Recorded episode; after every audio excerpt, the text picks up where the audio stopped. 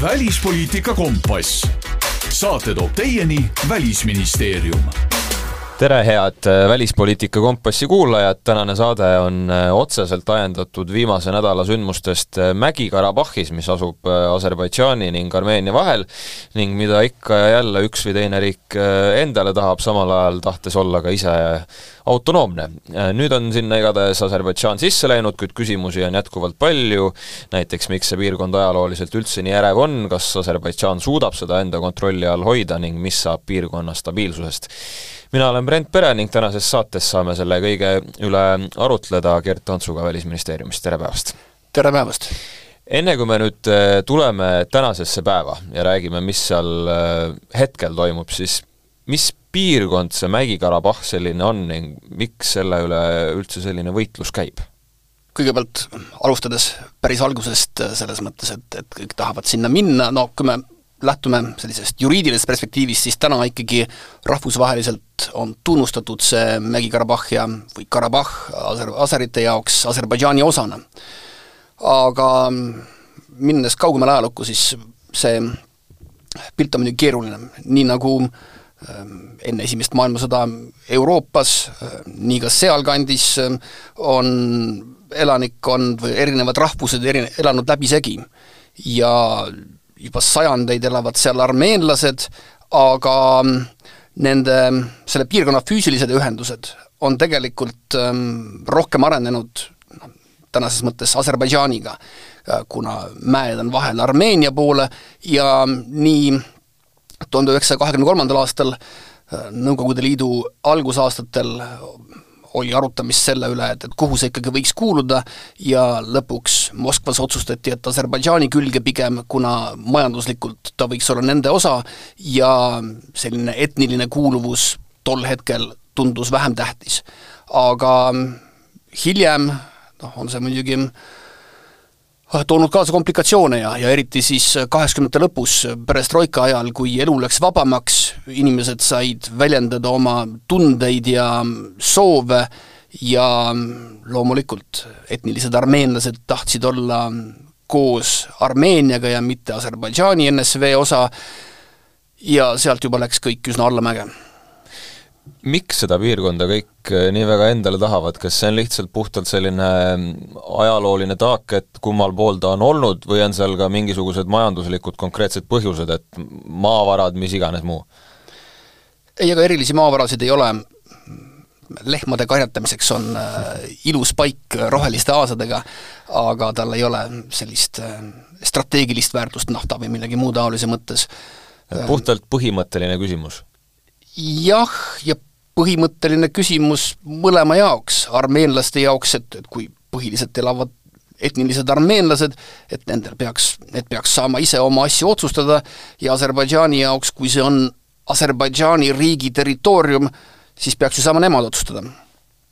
mis seal siis äh, praegu, praegusel hetkel toimub, kui see on olnud äh, Aserbaidžaani autonoomne osa, samas on seal armeenlased sees olnud, siis miks üldse selline võimuvõitlus peab käima, et aserid äh, tõesti peavad tulema sinna jõuga sisse, et see siiski enda all hoida? kuna aseritel ei olnud kontrolli selle territooriumi üle, et see oli selline separatistlik äh, piirkond, mille iseseisvust äh, keegi ei tunnustanud ja mm, loomulikult mingis mõttes on ju mõistetav, et iga riik ikkagi tahab omada kontrolli oma suveräänse territooriumi üle. nii et äh, selles mõttes arusaadav ja noh, kui me, et ei ole ühtegi sellist ajaloolist nullpunkti, kuhu me saaks päris algusse tagasi minna ja öelda, et, et kuidas, kuidas siis peab õigesti olema aga kui me läheme tagasi kas või kolmkümmend pluss aastat, äh, kui äh, mitusada tuhat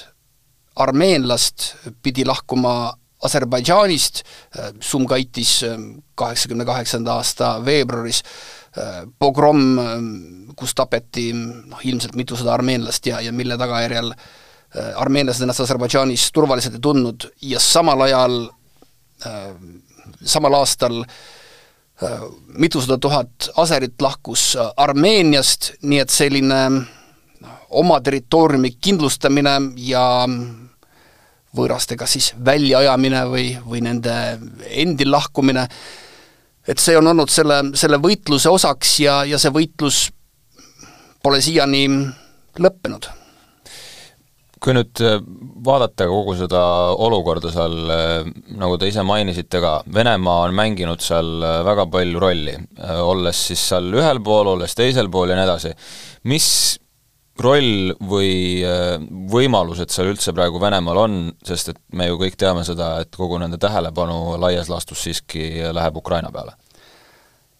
kui me räägime nüüd viimasest jälle kolmekümnest aastast, siis Armeenia suuresti panustas Venemaale oma julgeoleku tagajana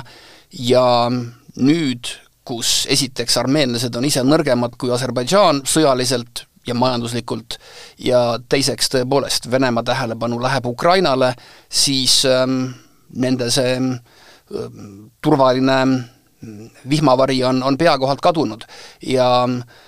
eks see lõpuks oli paratamatu ka, sellepärast et äh, Armeenia praegune võim on, on selgelt võtnud kursi noh, demokraatlikule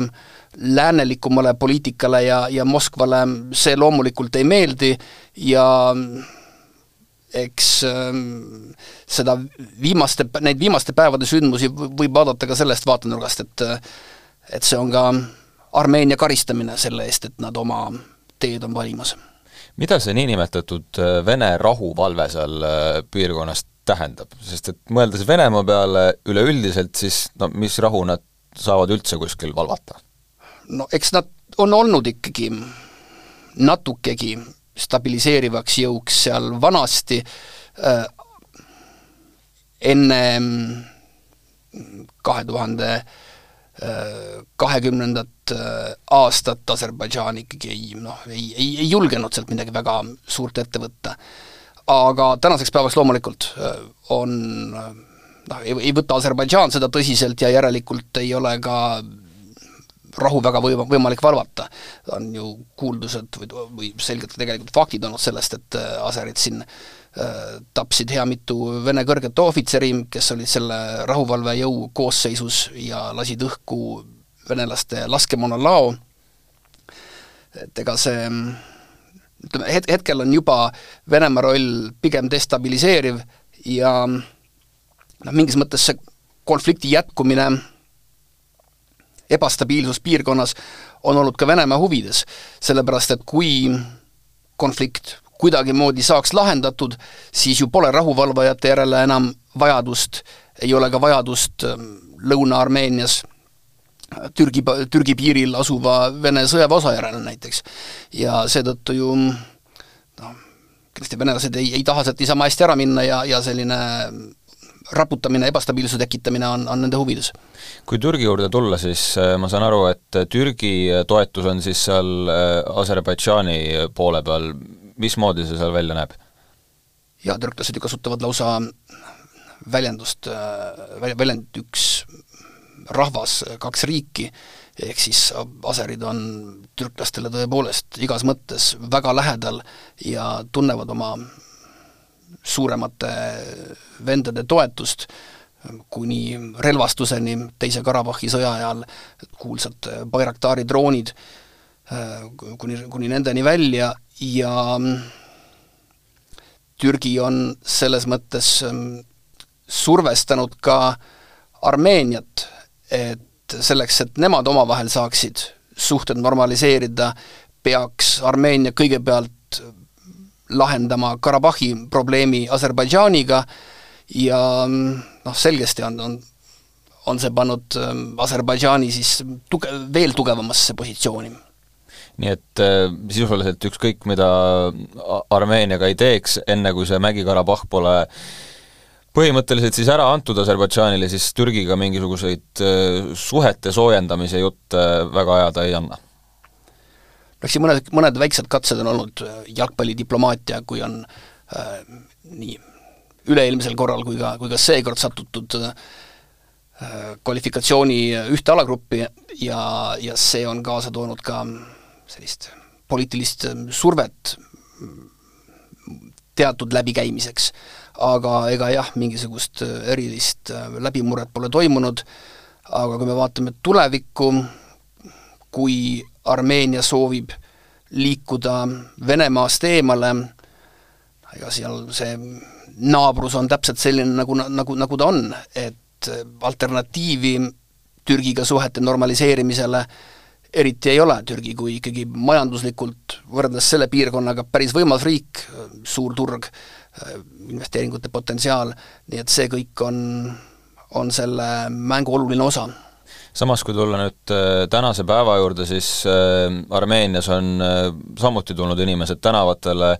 seal protestinud valitsuse vastu, et kuidas te nüüd sealt Mägi-Karabahhis siis nii lihtsasti lahti ennast võtsite või isegi ei osu-, osutunud väga palju vastupanu. kuivõrd see võib mõjutada seal seda edasist käekäiku, et valitsus siiski allub rahva survele? alluda survele vastupanuks, noh selleks on juba hilja, eks ju, et territoorium on, kontroll territooriumile on läinud, aga mm, eks see ole üks oluline koht selles osas, et, et mis nüüd edasi saama hakkab. ma siiski julgeks tänase päeva seisuga öelda, et et need protestid ei ole nii tugevad e,. igal juhul ju, kui oleks e, ka rohkem vastu hakatud ja oleks sadu või tuhandeid armeenlasi surma saanud, ükskõik kas siis Karabahhi armeenlasi või, või Armeenia armeenlasi, see oleks ka paha ja see, selle, selle üle oleks ka kindlasti paljud kurvad, vihased, nii et äh, nähes, et, et ei ole võimalik vastu saada ülekaalukamale vastasele, tundub kõrvalt vaadates ikkagi mõistlik valik. ja eks see ole siis selline keeruline, aga ülitähtis koht peaminister Bašinjani jaoks. et kui ta selle pahameeletormiga hakkama saab, siis on lootust ka võimul edasi jääda ja sellist läänemeelsemat kurssi jätkata. aga see, et nüüd Aserbaidžaan siiski selle Mägi-Karabahhi no endale ikkagi väga lihtsalt lõpuks sai, kas see on nüüd midagi sellist, mis tõenäoliselt on stabiilne või on see jätkuvalt selline no et ei tea ikkagi, mis see tulevik toob? kui lähtuda emotsioonist, siis igal pool maailmas ju see, kes sõja kaotab, tunneb, et väga halb, aga, aga see kindlasti ei ole lõpp, et me tahame kunagi jälle õigluse, selle meie vaates õigluse taastada. Ja noh, sellise, selliseid plakateid, loosungeid on ka Jerevanis tänaval näha, aga teisest küljest, kui me vaatame reaalpoliitiliselt, siis SKT inimese kohta Aserbaidžaanis, Armeenias on umbes võrdne, aga Aserbaidžaanis üle kolme korra enam inimesi, naftatulud järjest nafta- või gaasitulud järjest voolavad sisse ja pigem ikkagi see jõuvahekord läheb veel enam Aserbaidžaani kasuks. nii et ähm, nii kurb, kui see ka ei ole, aga, aga selline ähm, tasakaalupunkt on praeguseks, äh, tundub, et leitud. See, et sealt nüüd äh, sada kakskümmend tuhat Mägi-Karabahhi etnilist äh, armeenlast juba Armeeniasse tagasi liikusid, siis kuivõrd see nüüd sellele Aserbaidžaanile veel seda jõudu juurde annab, et vot tulimegi ja nemad läksid? kui me nüüd vaatame tõesti reaalajas viimase ööpäeva arenguid, siis inimeste väljavool Mägi-Karabahhiast Armeeniasse järjest kiireneb ja noh, eks see ei ole ka selline tõehetk Aserbaidžaanile, et ühest küljest nad on, nad rõhutavad, et, et me nüüd taastame igati seadusliku kontrolli oma territooriumi üle, hea küll, aga samas kontrolliga kaasneb vastutus. ja riigil ikkagi on vastutus selle eest, et äh, suur osa sinu elanikkonnast ei põgeneks, ei tunneks ennast ebaturvaliselt ja juhul, kui kogu armeenlastest elanikkond regioonist lahkub, noh siis on see ju selgesti etniline puhastus, äh, kõik väga loodavad, et, et selleni see asi siiski ei lähe lisaks sellele, kui need inimesed juba sealt lahkuvad, siis ma puht äh, infrastruktuuriliselt äh, saan aru, et seal on ka väga palju tühjasid äh, kohti, kus enam ei ole inimesi, kus võib-olla ei ole enam töötajaid ja nii edasi ja nii edasi, ja siis peavad ka aserid selle siis, ma saan aru, taastama? jah, no loomulikult Baku ütleks selle minu eelneva jutu peale, et kuulge, aga Mägi-Karabahh ja teisest osast kolmkümmend pluss aastat tagasi pidid aserid lahkuma ja siiamaale nemad, nende pered, järeltulijad elavad põgenikena sellistes mitte kõige paremates tingimustes Aserbaidžaanis, eks nad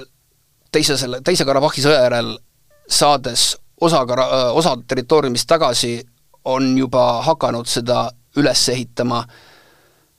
mis saab selle osaga, kus täna veel on armeenlased, noh seda ma siin hetkel ei, ei hakkaks spekuleerima, kõik loodame, et ikkagi, ikkagi saavutatakse kokkulepe Stepanakerdi ja Baku vahel, et armeenlased saavad sinna jääda ja et sellega kaasnevad ka kultuurilised, keelelised õigused ja soovitavalt siiski ka teatud autonoomia selleks, et inimesed tunneks ennast seal turvaliselt. kuidas on äh, tavaliste inimeste sellise omavahelise käimisega, et kui need armeenlased isegi sinna saavad jääda, siis kui tugev see kahe rahvuse vaheline konflikt äh, võib igapäevaelus olla, mitte et seal nüüd kohapeal elada, aga niimoodi kõrvalt vaadates? eks see emotsioon muidugi on väga tugev ja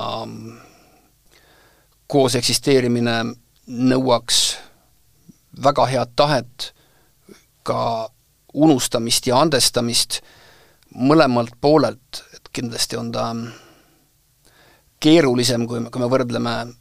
ütleme, Venemaa agressiooniga Ida-Ukrainas, kus ei ole tegelikult selliseid erinevaid kogukondi, eks ju, et kui oli see väiksem sõda nii-öelda pärast kahe tuhande neljateistkümnendat aastat, inimesed liikusid rahulikult äh, läbi kontrollpunktide üle kontrolljoone ja ei olnud erinevaid etnilisi gruppe, kelle vahel see vihkamine võiks olla, siis äh, seal piirkonnas on see muidugi pikaajaline, äh, kaasa arvatud ligi sada kümme aastat tagasi toimunud äh, Türgi Osmanite impeeriumi ajal genotsiid armeenlaste vastu, mis armeenlaste jaoks on ka emotsionaalses, emotsionaalses plaanis osa sellest samast loost, nii et isegi kõige parema stsenaariumi korral lihtne ei saa see olema. kui tõmmata see pilt äh, natukene laiemaks ja vaadata maailmapoliitikat, siis meie uudistes on äh, need sündmused seal Armeenias, Aserbaidžaanis äh, pidevalt esil, kui seal midagi juhtub. Kuivõrd maailm seda piirkonda seal jälgib? ega ta täna meil ka väga esil ei ole ja eks see Venemaa agressioonisõda Ukrainas ongi võimaldanud ka Aserbaidžaanil neid käike piirkonnas teha, esiteks on Venemaa füüsiliselt nõrgem ja tähelepanu mujal, aga ka kogu maailma tähelepanu on mujal. ja mm,